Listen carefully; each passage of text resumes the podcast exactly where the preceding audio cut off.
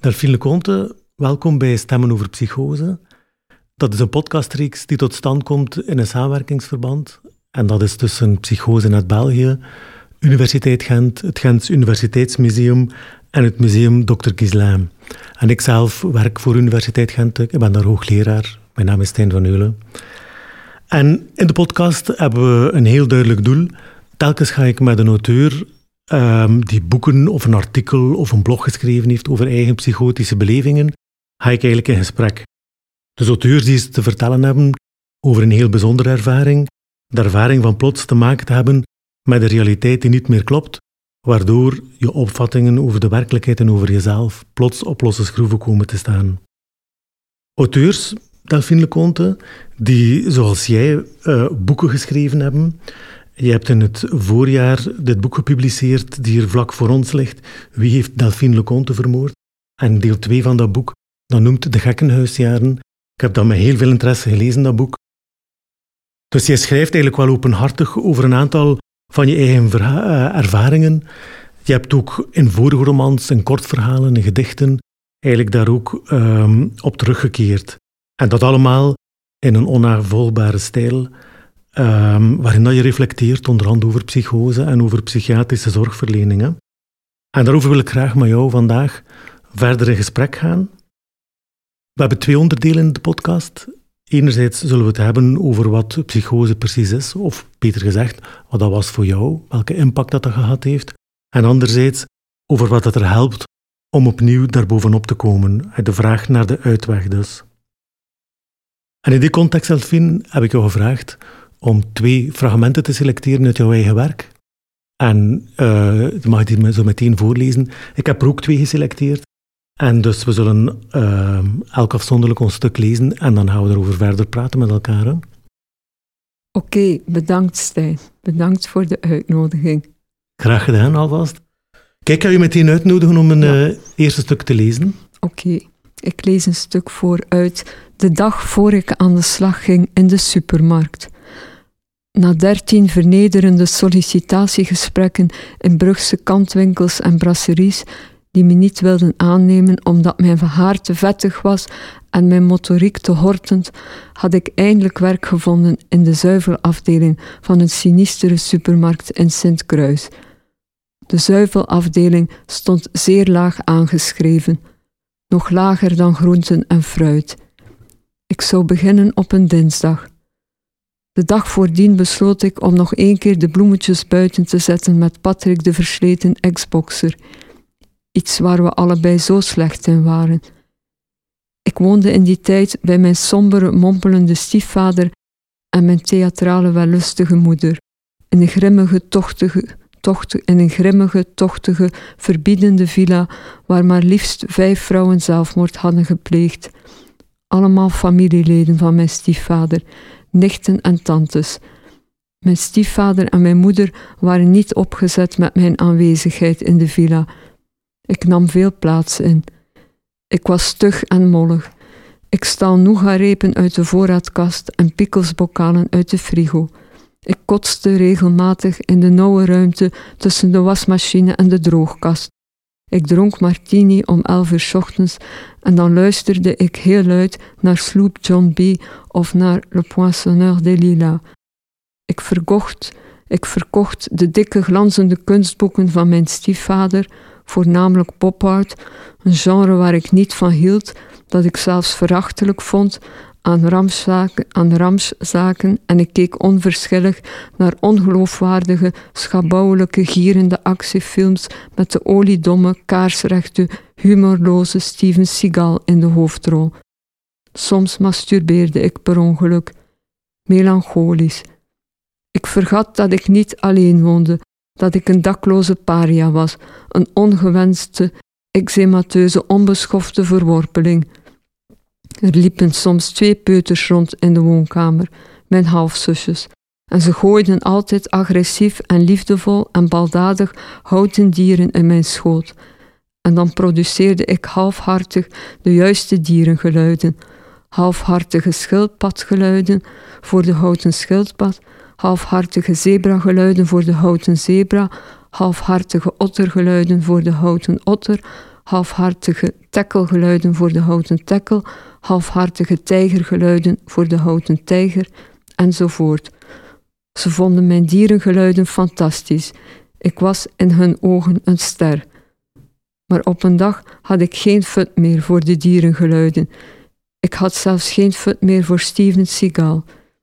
Ik had een depressie, of ik was lamlendig, lui, apathisch, korzelig, sloom. Een, ge een gecedeerde Komodo varaan. Een gecedeerde Komodo varaan? Droevig. Ja. Is dat voor jou de atmosfeer droevig die als je het leest opkomt? Um, ja, het is toch wel vrij. Uh, hier uit dit, uit dit, fragment spreekt toch vooral de, ja, de zwaarmoedigheid en het er niet bij horen. Want ja, toen, de dag voor ik aan de slag ging in de supermarkt, was ik 22, kwam ik net uit de psychiatrie. Al mijn vrienden van het middelbaar um, waren afgestudeerd of um, in mijn ogen geslaagd. Uh, ik schreef nog niet, dus mijn zelfbeeld was heel laag. Uh, ja, ik vond allemaal behoorlijk uitzichtloos. ik wist wel dat ik, ja, ik had mijn problematieken, mijn gekweldheid, mijn angsten, eetstoornis, milde vorm van paranoia, de zelfdestructie en ik voelde wel al dat ik daar voor, me, voor de rest was er fatalistisch over. Ik dacht wel dat ik daar voor de rest van mijn leven onder zou gebukt gaan. Ehm, maar ik had dus nog niet die uitlaatklep van de kunst, of toch niet zo gestructureerd. Ik schreef wel al in notitieboekjes, ja, slordig gedichten, halfgeslaagde gedichten. Ehm, maar ja, ik voelde mij toch vooral een paria en een marginaal. En um, ja, dat werd ook bevestigd uh, door mijn omgeving. Um, dat ik een mislukkeling was en, en een ontgoocheling. Um, ja, mijn moeder had mij lang gesteund. Mm -hmm. wat wel een beetje zo hoort als moeder, maar anderzijds niet iedereen heeft een moeder Ehm, die hem of haar steunt. Ehm, maar toen was het wel beu. Ehm, ik had geprobeerd om uh, mijn diploma vertaler-tolk Frans-Russisch te behalen. En het eerste jaar verliep dat vlekkeloos. En dan in het tweede jaar verloor ik de pedalen. En ik had nog een kans gekregen om om het tweede jaar opnieuw te doen en dan nog een keer opnieuw. En dan kwam de psychiatrie ertussen, de opname in het gekkenhuis. Ja, mm. Noem het het gekkenhuis. Het is natuurlijk gewoon een paasafdeling in mhm. een ziekenhuis. Ehm, nee, wat ik wel, en in dat fragment, um, ja, klinkt een beetje koket of stom om dat zelf mooi te vinden, wat ik mooi vind in mijn tekst. Um, maar ik bedoel het niet van, wauw, dit heb ik goed neergepend. Ik bedoel het, uh, wat dat hoopvol is in het fragment zijn dan die dierengeluiden. Uh, dat de kinderen, en ik denk jonge kinderen, zijn ontvankelijker of toleranter voor ja, gekken tussen aanhalingstekens of hebben nog niet dat veroordelende um, wat dat ze dan later ontwikkelen. Dus voor hen was ik gewoon hun zus, die vaak mhm. in de zetel zat en niet veel uitvoerde, maar um, zij probeerden mij te betrekken bij hun spel. En, ehm, en dat lukte. En ze verwachten ook niet heel veel mij, van mij. Voor hen was dat genoeg dat ik dus die dierengeluiden produceerde.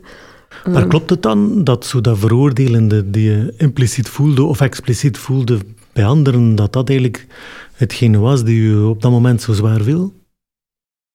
Um, ja, ik denk dat ik vooral uh, me vaak inbeelde ook wel. De afkeurende blik van de anderen, het misprijzen, dat ik dat ook me vooral inbeelde. Um, dat ik vooral erg veel walg tegenover mezelf, zelfhaat mm. had. Um, ja, en ik was vooral heel eenzaam. En ja, alles leek me wel uitzichtloos, want ehm, ja, ik hoorde nergens bij. Um, voelde me zeker niet beter dan de andere supermarktmedewerkers, maar dat waren mensen, um, ja, geen intellectuele mensen die leefden voor een gezin en een hobby's, mm waar niks verkeerds mee is. maar ik had zeker niet geen hoogmoed, maar wel zo een verlangen naar kunst, naar esthetiek, naar iets groter. Ehm,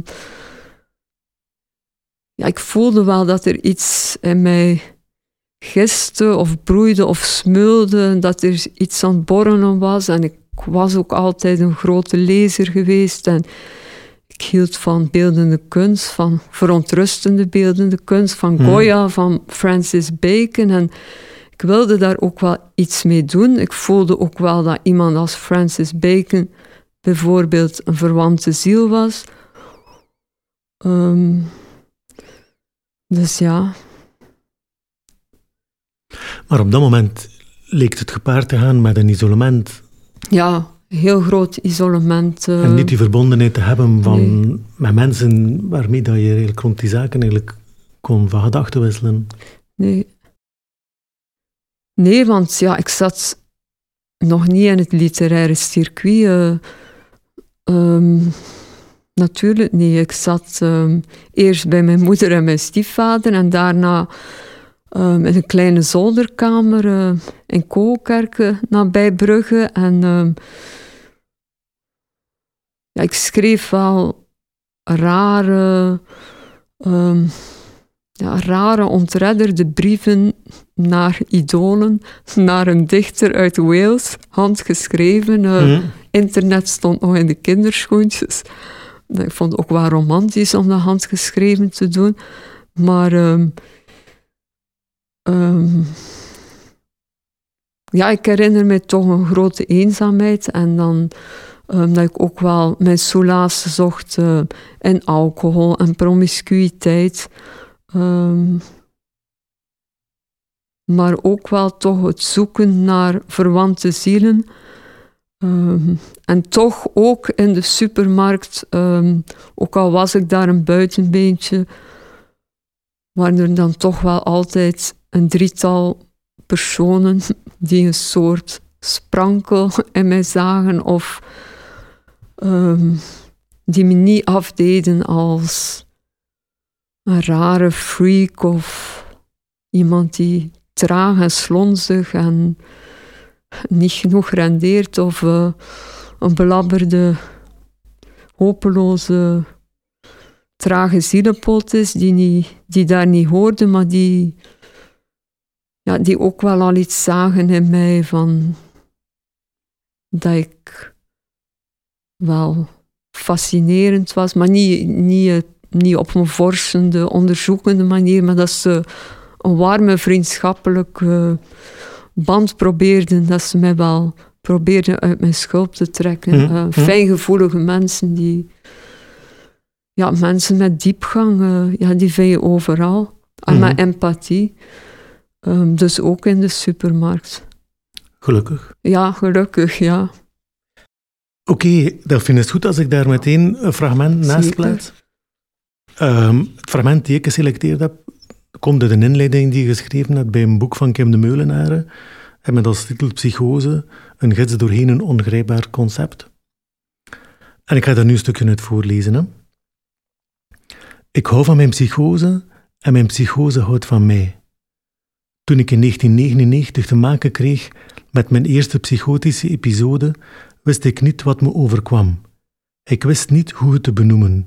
De diepe existentiële verwarring, de obsessieve paranoïde overpeinzingen en de dissociatieve, haast filmische ontreddering. Ik was geen meester van mijn psychose. De psychose maakte zich meester van mij, als een demon, een incubus. Ik was angstig, te angstig om in mijn douchecel te kruipen, te angstig om te eten, ik werd mager en begon te hallucineren. Ik dronk om me minder paniekerig te voelen. Mijn vingers waren soms te groot en soms petiterig klein. Soms wilde ik mijn pinken opeten zoals Saturnus zijn kinderen. Ik kende een te grote betekenis toe aan de kleine distel op mijn blauwe washandje. Later die dag zag ik de letter D in de nummerplaat van een auto en ik dacht: wacht eens even, dat is de D van distel, hier klopt iets niet. Ik wachtte de bestuurder op en vroeg hem waarom hij het op mij gemunt had. Waarom hij me wilde wurgen. Hij stonk, hij jaagde me weg. Hij tierde en noemde me knettergek. Maar het was niet alleen de distel. Ik ontwikkelde ook een cultus rond Antonin Artaud en rond de Okapi rond de bijbelfiguur Potifar. Ik begon daarnaast een beroemde operaster telefonisch te belagen. De Distel en Antonin Artaud en de Okapi en Potifar en de operaster waren allemaal met elkaar verbonden. En de veelgeplaagde ezeldrijver van de pannen speelde er onder één hoedje met de nieuwe vrouw van mijn vader. Zijn nieuwe vrouw heette Brigitte en ze verjaarde op 4 mei. De letter D is de vierde letter van het alfabet. Ook Brigitte wilde mij wurgen en verpulveren. Paranoia, het was paranoia. Ik raakte al maar meer verstrikt in het paranoïde kluwen. Ik dacht dat mijn leven in gevaar was. Nu klinkt het hilarisch, of schrijnend, of ziekelijk, of bespottelijk, maar toen was het verschrikkelijk, angstaanjagend, huiveringwekkend zelfs. Voilà, dat het stuk die, die ik gekozen had. Ehm, waarom ik het gekozen heb, is om, ja, omdat ik vind dat je heel indringend eigenlijk die, die ervaring beschrijft van hoe dat er plots allerlei associaties te beginnen ontstaan in, in, in, uw, in uw interpretatie wellicht, maar tegelijkertijd ook wel echt gekoppeld aan de werkelijkheid en hoe dat zich rond u sluit als een, als een bedreigend kluwen, je zegt hier een paranoïde kluwen schrijft je, en hoe dat, dat de angst eigenlijk uh, opriep bij jou. Mm Ik weet niet of je er wat meer kunt over vertellen nog, over, over die ervaringen of wat het toen was voor jou. Ik denk dat ik eerst wel nog kon mezelf, aanvankelijk kon ik mezelf corrigeren. Bijvoorbeeld met die distel op dat washandje. Um, en dan um, die verjaardag van Brigitte, van mijn stiefmoeder, kon mezelf meestal wel corrigeren. Of ik kon wel zeggen van het is, het zijn wanen, het houdt geen verband met elkaar, maar toch, ik was nooit volledig, um, verdronk nooit volledig in die overtuiging. Ja, op den duur misschien wel, ik weet het niet. Um, um, er kwam ook, ja, het was ook echt zo, ja, een onwerkelijk gevoel. Soms gaf het mij ook zelfs bijna um, een gevoel van euforie, van ik loop rond en ja, filmisch zeg ik ook, gebruik mhm. ik ook. Dus um, dan was het bijna prettig om, om los te zijn van de werkelijkheid, maar meestal was het gewoon ja, beangstigend. En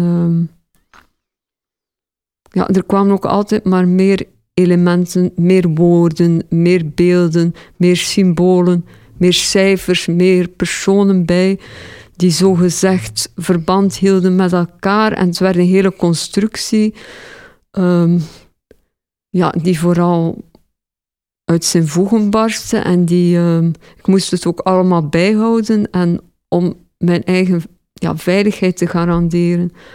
Um, ja, nu weet ik dan natuurlijk mm dat,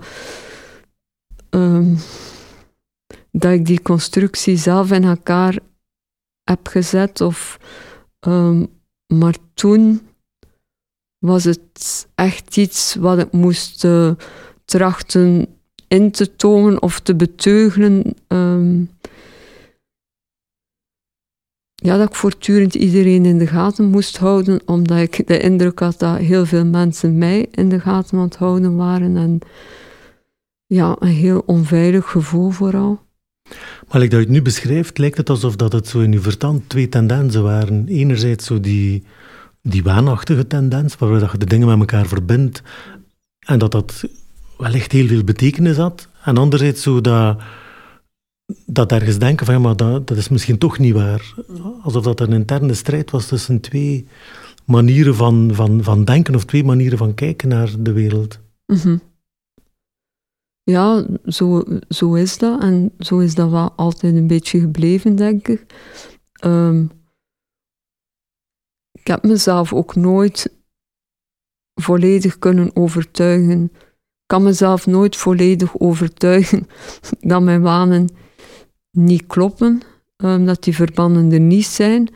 En, en anderzijds val ik ook niet, nooit volledig ten prooi aan de paranoia. Mm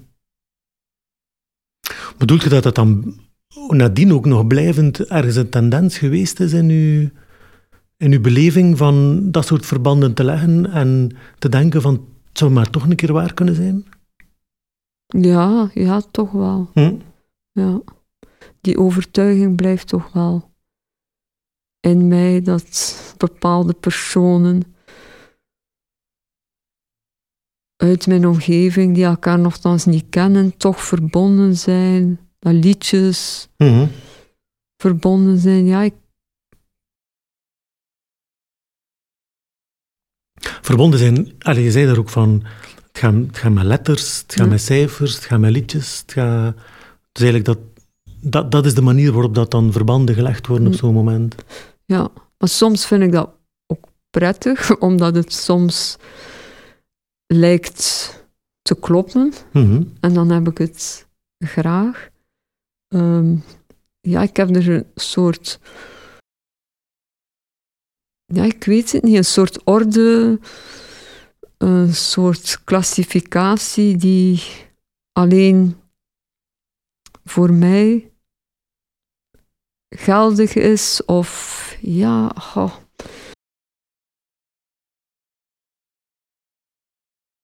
Ja, ik, ja, het is moeilijk om uit te leggen. Ja. Maar die alleen voor u geldig is omdat jij degene bent die de associaties maakt. Ja, Zo? ja.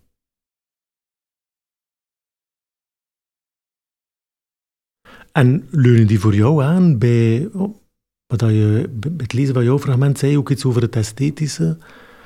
Heeft, heeft dat daarmee te maken ook? Eh, als een, als zo'n verband mooi is, is dat dan iets dat een esthetische waarde heeft? Als je zo dingen associatief met elkaar verbindt? Ja, dat is, ja, dat is pas later. ehm, pas later heb ik daar dan eigenlijk. ehm, ja, ben ik daar literair mee aan de slag kunnen gaan. Maar ehm, nu ben ik dankbaar als ik op die rand zweef van de verbanden en de betrekkingswanen zijn het weer aan het overnemen. Maar nog niet volledig. Mhm. Er is nog zelfzorg over. ik kan nog vriendelijk zijn met mijn medemensen. Kan ook nog ehm, geloven. De woede en de achterdocht zijn er nog niet. Dus op dat moment kan ik literair ermee aan de slag gaan. Maar soms is daar ook die overtuiging dat ja, dat, dat er wel, dat het toch meer de vorm aanneemt van kwaadaardige complotten of mensen willen mij vervolgen. En dan, dan kan ik er niet meer, niets meer mee aanvangen. Dan ben ik vooral ja, zwartgallig en verward ook. Mhm, ja, mhm. verward en, en ontredderd. En, ehm, en ook wel ehm, ontmoedigd.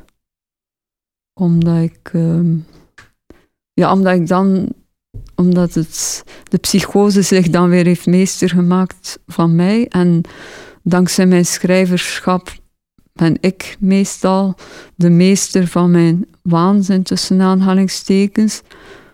Ehm, maar ja, ik worstel ermee. Ik Mhm. want die vraag wordt me soms wel gesteld door journalisten van is het een zegen, ehm, de psychiatrische problematiek, die demonen, of is het net uh, een belemmering, zijn het obstakels? En ik weet dat eigenlijk niet.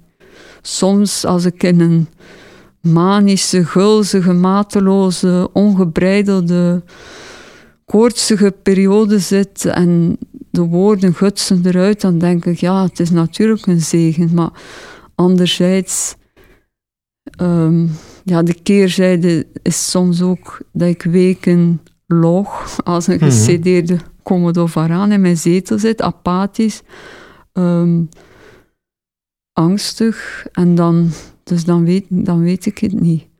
Mm. Ik weet het niet of dat een zegen is. Hm. Daar ben ik, nee, daar ben ik nog niet uit. Mhm. Goed, ik stel voor dat we overgaan naar een volgend fragment. En dat is een stuk uit de gedicht die je nu gaat voorlezen. Ik lees de eerste drie strofen van Alles is schokkend, behalve de liefde van mijn moeder. Alles schokt me. De prijs van mijn favoriete koeken. De erectie van de voormalige vrachtwagenchauffeur. Opzichtige hoofddeksels. Lukrake Norse lama-verzorgers. Huilende eenden op brooddozen. De Eiffeltoren. Antipathieke touwslagers. Mystieke chrysantenkwekers een aardbeiserre in lichterlaaien, een schele mis, mismoedige bobijnster met een zeemvel in haar knuist, lelijke kristallen hoefdieren, mijn woede, poolvossen, schreeuwuilen, wasknijpers, ladders, terpentijn, vettige laag op een te vaak gebruikt wafelijzer, de pruiken van Andy Warhol, mijn herhalingen, mijn tics, mijn egocentrisme, hyena's, alles, alles, alles. Maar niet mijn moeder, niet de liefde van mijn moeder voor mij. Helaas niet uitsluitend voor mij. Ze hield ook van een sombere, mompelende, hypochondrische proestvertaler, van een naïeve, dweepzieke schoorsteenveger en van een heleboel Roemeense gynaecologen. Maar haar liefde voor mij, haar enige kind, was het felst en het vurigst. Koortsig, rauw, naakt en zeer gewelddadig. Ik wilde nooit mee op school uitstap. Stalactieten in een grot, wat een anticlimax. Ik wilde liever thuis blijven en mijn moeder vereren. Ze had een grote bos glinsterend schaamhaar. Ik mocht niet op ontdekkingstocht gaan in haar schaamhaar. Het was een brug te ver. Maar ik mocht staren en Polaroid-foto's nemen. Als sloeg mijn moeder me verrot toen ze erachter kwam dat ik de foto's verkocht aan mijn Turkse vriendjes en aan de naïeve dweepzieke schoorsteenveger. Mijn moeder was een haan, een pauw, een gnoe, een otter, een links, een zeekoe, een afgrijzelijke tyrannieke lammergier en een mystiek onderdanig, blindgeslagen edelhert. Maar ze was ook komisch, grimmig, verdorven en sensueel als een corrupte Moldavische jongenshoer, hoogstwaarschijnlijk lijmverslaafd en analfabetisch. Ze paradeerde, ze snoof, ze blufte, ze pufte, ze siste, ze blies verontwaardigd. Ze likte haar vingers schoon. Ze verliet een decoratiewinkel met gestolen inpakpapier. Er stonden tropische vissen, citrusvruchten en vogelverschrikkers op het papier.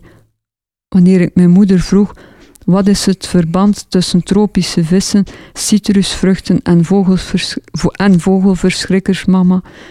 zei ze vreed. Jij werd verwekt tijdens een heidensfeest dat volledig in het teken stond van tropische vissen, citrusvruchten en vogelverschrikkers. Je verwekking was een verkrachting. Bravo, Fientje, bravo. Het is overduidelijk een fragment waarin dat uw moeder centraal staat. Ja, een uh, hele intelligente, hele intimiderende, um, opvliegende, heftige, um, moeilijke vrouw. Um, die ja, die ik pas heb leren kennen op mijn tiende, want ik ben opgegroeid bij haar ouders, bij mijn grootouders. Ehm, ze heeft daar veel schuldgevoelens over. Ze ziet mij graag, ik zie haar graag, maar ehm, ze neemt veel plaats in. Ze heeft dan schuldgevoelens over, eh, over ehm, dat heerszuchtige, dat, ehm, dat autoritaire. ehm. ja, ze is heel flamboyant en heel kleurrijk. Dat bewonder ik ook in haar. Ze is belezen. Anderzijds. anderzijds werkt het ook op mijn zenuwen. Ehm, omdat ik net ja, helemaal niet, niet behaagziek ben en vaak ehm, korzelig en in mezelf gekeerd. Dus misschien ben ik ook wel jaloers op dat uitbundige van haar. Ehm,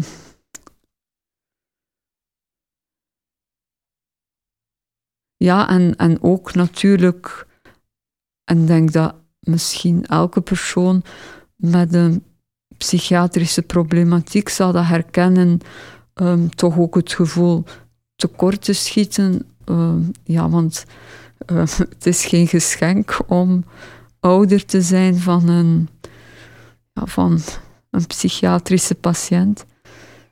Kan ik me dan voorstellen, want zelfs nu op mijn 45ste, ja, ik verlang geen zorg of koestering van mijn moeder, maar ehm, zij weet ook wel dat er vaak crisissen zijn en ehm, zij geraakt er ook ja, soms bij betrokken, Ehm, omdat ze er wel bij betrokken zijn, maar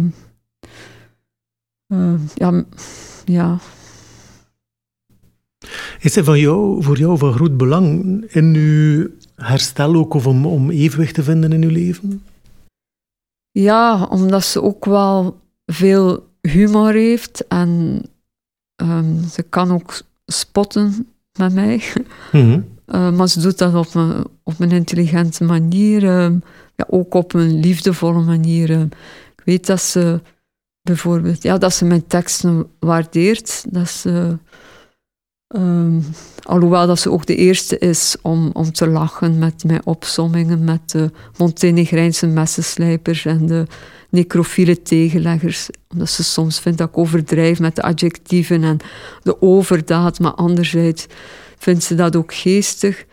Ehm, maar ehm, ja, Ze zijn van uw directe eerste Ja. lezers zo, van uw werk? Of? ja, Ja. ja, ze voelt ook wel dat ik contact zoek met haar via mijn teksten. Ehm, soms doe ik dat heel rechtstreeks in mijn humorcolumn. Dan zegt mama, lees je deze column nog? Ja. Ehm, dus ja, voor mij is dat wel een manier om te communiceren met haar. En soms vindt ze ook wel dat ik te veel haar een veeg uit de pan geef. Dat ik mijn macht gebruik als schrijver om haar op haar plaats te zetten. Ja, met mijn moeder doe ik dat soms, omdat... Ja, een beetje wel. Mhm. Niet om haar echt te verpulveren, maar, maar toch om haar een toontje lager te doen zingen, misschien, misschien wel soms. ja. Geniet ik daar wel een klein beetje vreed van om... Maar ze verschijnt ook eh, inderdaad ook opvallend veel als personage. Ja. Als, eh, daarnet verwijs ik naar Ja. het boek dat hier tussen ons ligt ook, van. Wie heeft Delphine Leconte vermoord? Zij komt ook veel aan bod in het Ze boek. zegt zo. ook, het is allemaal projectie, de opvliegendheid, de wellustigheid, het verdorvene. Ja, ik zeg, jij, jij bent veel, veel meer verdorven en opvliegend dan ik. Ehm, ja, ik weet het niet. Ze worstelt ook, ja, ze, ze, is- ze is niet psychotisch, ze- maar ze zegt ook altijd dat ze worstelt met, met haar demonen. En dan denk ik, dit, dit gaat nu heel kleinzielig klinken hoor. Ga je dit nu ook van mij afpakken? Want hm. ze is zo geslaagd in haar leven. Getrouwd voor de derde keer, wat dat misschien nu niet zo geslaagd is, maar de derde keer goede keer. Maar ze heeft een huis. Ze is erin geslaagd om, ze is nu met pensioen, maar ze had een voltijdse um, baan, job als een leerkracht, hogeschool Gent, Frans. Ja, dat zijn allemaal toch facetten. Ze heeft niet zoals ik in de goot gelegen, mhm. zichzelf verminkt. Ehm, dus dan denk ik, moet je niet tegen mij komen jammeren of beweren dat je ook, ook een psychiatrische patiënt bent. Hm. Maar natuurlijk kan iemand ook wel ja, lijden aan depressieve symptomen of ja, ja, het is geen competitie uiteraard, maar dat gezegd zijnde, uh, mijn waanzin is, uh, ja, het is niet om trots op te zijn, maar ik ben gekker dan mijn moeder. Um, mijn moeder heeft een geslaagd leven en um, gelukkig maar. Mhm. Dat betekent ook dat ze mij af en toe kan opvangen. Mm. Dan moest ze niet beweren dat ze zo ontzettend gehaven en gekweld is. Anderzijds, ze huilt heel vaak. Mhm. Dus moet er toch ook een zekere labiliteit in haar zitten. En in de familie, in onze genen, ja, zit er ook wel van alles. Mm. Schizofrenie. En alcoholverslavingen aan beide kanten. Mhm. Dus ja, ze zal ook wel natuurlijk. Uh, ze zal ook wel lijden, haar demonen hebben. Maar het telt niet, Allee, het telt wel, maar het telt niet omdat ten eerste een kind, ook een volwassen kind, die blijft altijd wel voor een stuk egocentrisch. En ja, ik ben misschien, ja, ik wil niet dat de rollen, misschien dat de rollen ooit omgedraaid zullen worden als mijn moeder ja, 90 is. maar, mhm. maar nu denk ik, ja, dat mijn moeder gewoon, nee, ze moet niet voor mij zorgen, maar ja. Het is wel belangrijk als figuur. Het is heel belangrijk. Het is heel belangrijk. Um, ja, ze is in mijn ogen dus ja, vooral heel sterk en um, ook wel rebels en um, heel gecultiveerd. Ja, ik kijk wel naar haar op. Inspireert ze jou dan? Nee. Ik vind dat ze te weinig, dat ze te frivol is. Hmm. Dat klinkt heel veroordelend. ik denk, met haar intelligentie had ze kunnen een grote kunstenaar worden, maar ze heeft zichzelf, ze versnippert zichzelf, ze vindt het zo belangrijk om een grote vriendenkring te hebben, maar ze geeft dat ook toe. En om aan iedereen te bevallen en op feestjes iedereen te vermaken. En ja, ze, ze palmde ook mijn vriendjes in moeiteloos omdat ze zo geestig was. Toen ik als puber vrienden mhm. en vriendinnen meebracht. Omdat, ja, ze vindt het belangrijk dat iedereen van haar houdt. En dat is nu een kwaliteit of een, een gebrek of een zonde die mij ehm, totaal vreemd is. Ja, ik denk dat dat... Ze gaat, ze gaat daar ook onder gebukt. Dus bijna een soort iets um, dwang, neurotisch, een verslaving. Ze moet applaus. Ah ja, ze was ook een kindsterretje. Misschien mhm. is het dat, dat ze mhm. op jonge leeftijd zo altijd applaus heeft gekregen. En ook als jongste in een gezin van vier over het paard werd getild. Dat, zegt, dat geeft ze ook zelf toe dat dat zo was. Ze was ook heel intelligent, vroeg wijs, vroeg rijp kind. Ja. En dat zit er nog altijd wel bij haar in, dat zij moet tonen hoe gevat en hoe geestig zij is. Terwijl ik denk, want ze schrijft ook, bewaar dat gewoon voor wanneer je schrijft, voor, je, voor het blad papier. Um, ja, maar ja. Daarbij aansluitend zou ik nog een, graag een vierde fragment lezen, want dat gaat eigenlijk over schrijven en over kunstenaarschap, wat je daarnet ook um, aanstipte. Hè. Het is opnieuw een fragment uit diezelfde inleiding van dat boek um, van Kim de Meulenaren. Ik was een jonge twintiger met een robuuste, intelligente, betrokken moeder en enkele geestige, trouwe, luchthartige vrienden. Zij hebben me uiteindelijk naar een ziekenhuis gebracht. Daar kreeg ik zondevoeding en rust, even geen prikkels meer. Mijn soelaas was de poëzie. Ik begon teksten neer te schrijven in allerlei notitieblokjes. Ze lagen overal. Ik dacht dat het geraaskal was. Het was geraaskal. Of was het orakeltaal en werd het per ongeluk literatuur? Het is alleszins mijn redding geweest, de taal. Rare associatieve taal. Gewelddadige scènes, bloed, moord, automutilatie, vreedbuien, nachtmerries, braken, pedofiele tuinmannen, incestueuze imkers, verkrachtingen, kermis, circus, strand, zwembad, opblaasreptielen en de apocalyps. Duiveluitruivingen, bezweringen, toverspreuken, gebeden, geprevel, gesis, razernij, traumaverwerking, autofictie.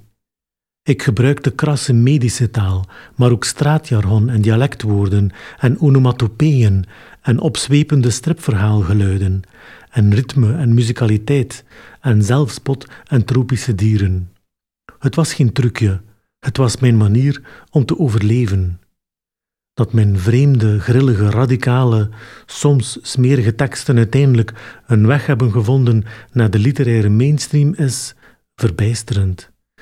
Nee, geen valse bescheidenheid.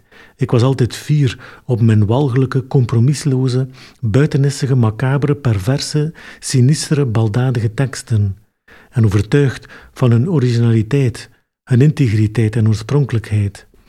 Maar de grootste euforie is natuurlijk het schrijven zelf. En het besef dat ik zonder dit harnas van mijn schrijverschap reddeloos verloren zou zijn. Veel kunstenaars hebben hun wonden en demonen weten om te buigen tot grote kunst.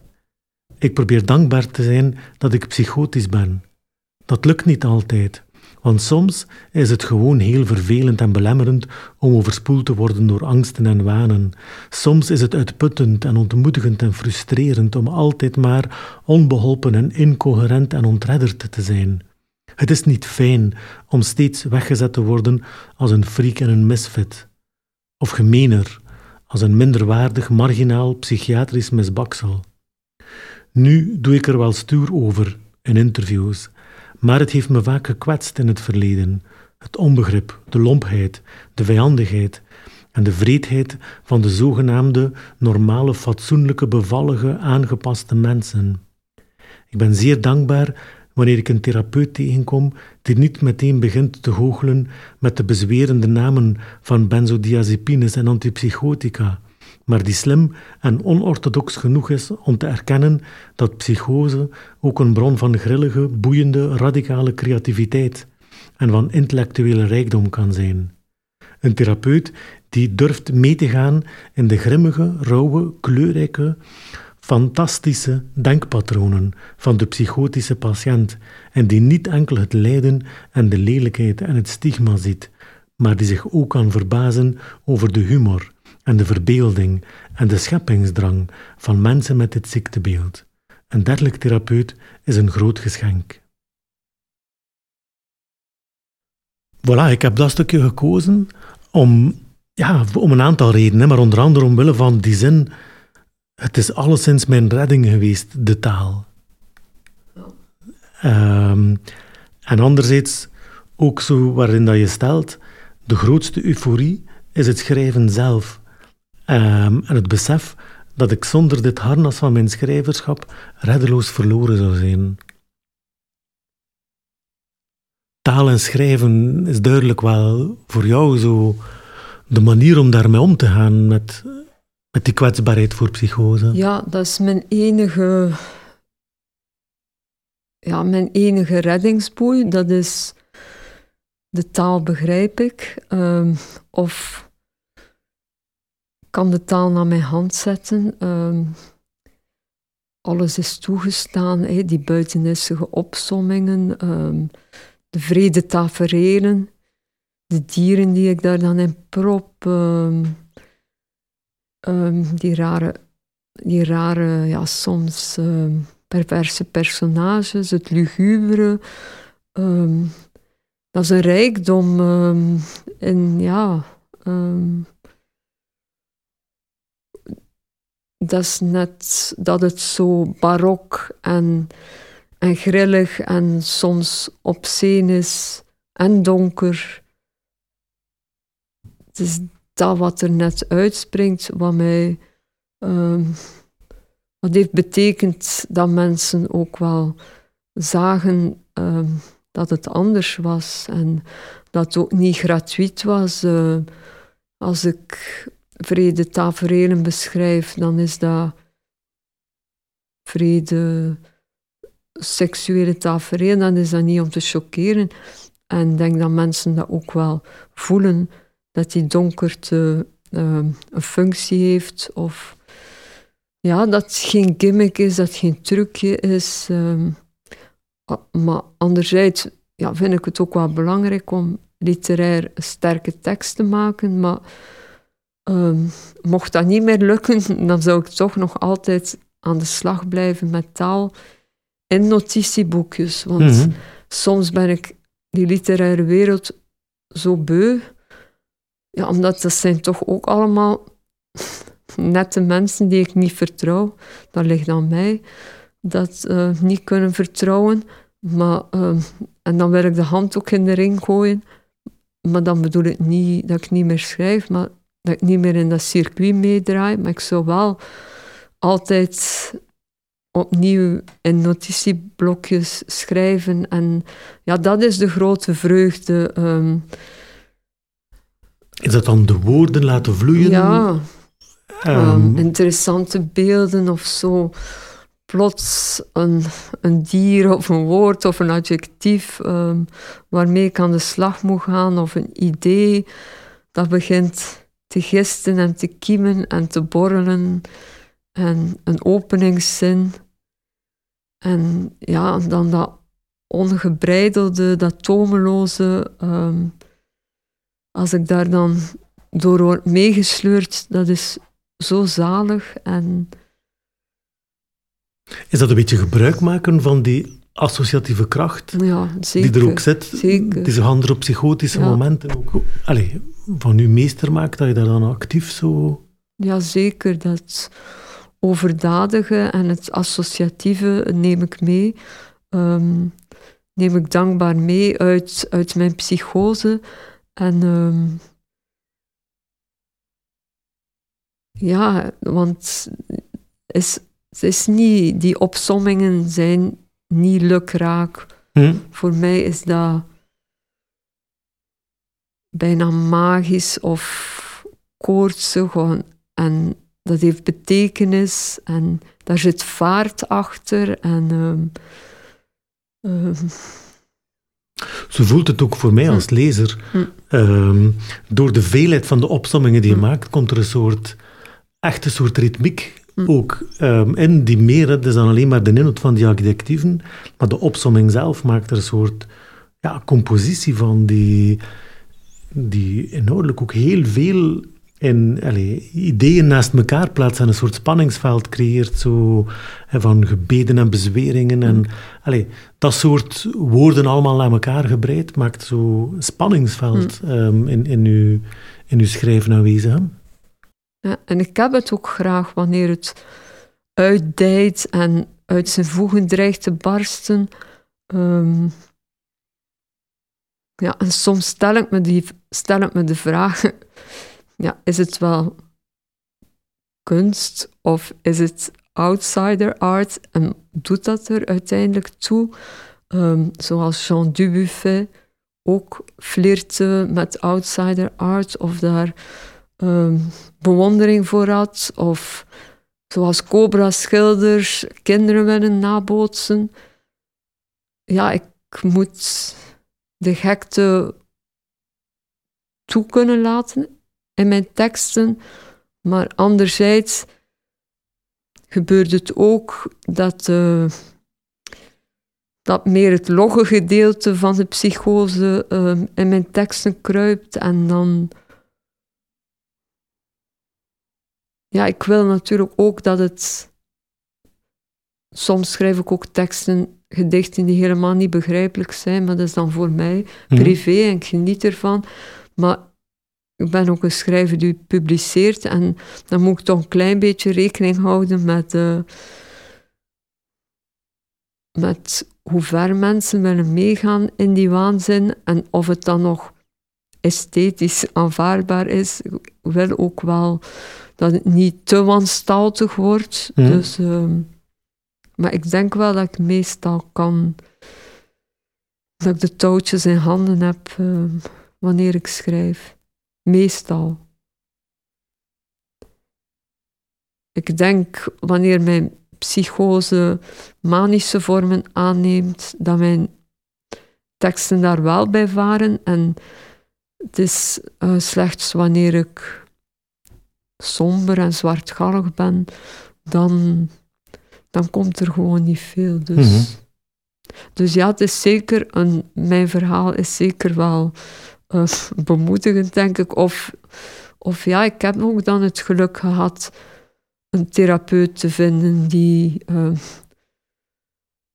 die niet meteen eh, mij farmacologisch wilde lam leggen en die ongebreidelde, soms verontrustende droombeelden, die associaties, die dat niet in de kiem wilde smoren, die wel ja, genoeg vertrouwen in mij had. Dat stip je wel aan als belangrijk, Ja. ook om zo iemand te ontmoeten hebben. Ja.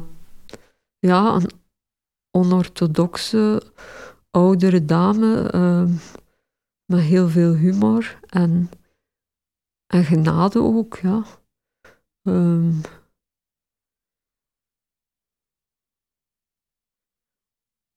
ja, die niet alleen het lelijke en het zelfdestructieve zag, maar ehm,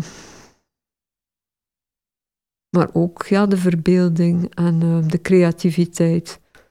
Ja, maar dat is moeilijk, ik begrijp dat ook, want ja, soms kom ik ook met, zit ik daar ook met ehm suïcidale gedachten, met, ehm, met die automutilatie, met... ehm,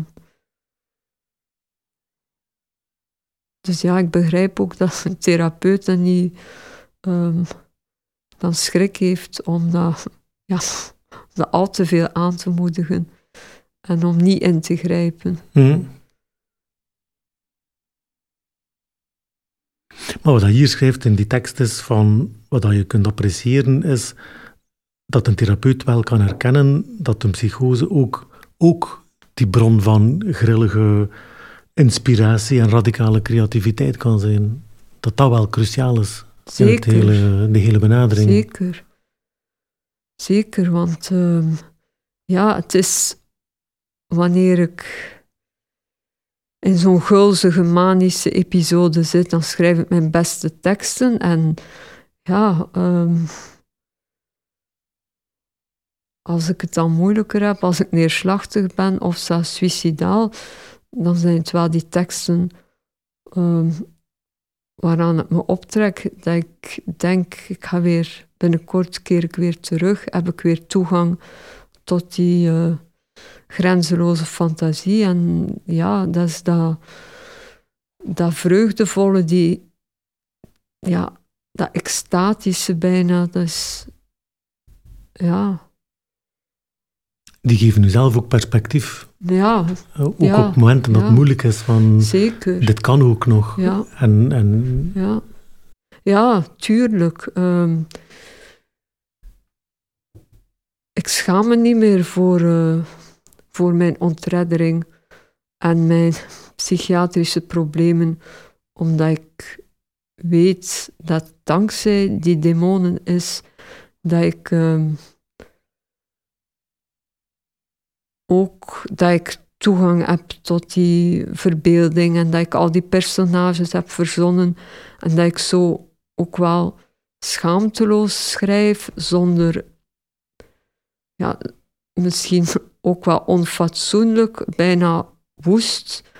Ehm, dat ik niet, die remmingen niet heb. En ik vind dat positief als kunst, voor mij als kunstenaar, dat die remmingen wegvallen. Ehm, dus dat deel van, van mijn psychose, van mijn waanzin, um, ja, komt mij goed van pas. Creatief, ja, zeker. Goed, Delphine, we gaan hier ons gesprek afronden. Rest mij nog om u te bedanken. Bedanken voor het gesprek die we vandaag gehad hebben, maar vooral ook te bedanken voor de vele boeiende werken die je al geschreven hebt en de vele die je ongetwijfeld nog zult schrijven. Hè? Bedankt voor de uitnodiging.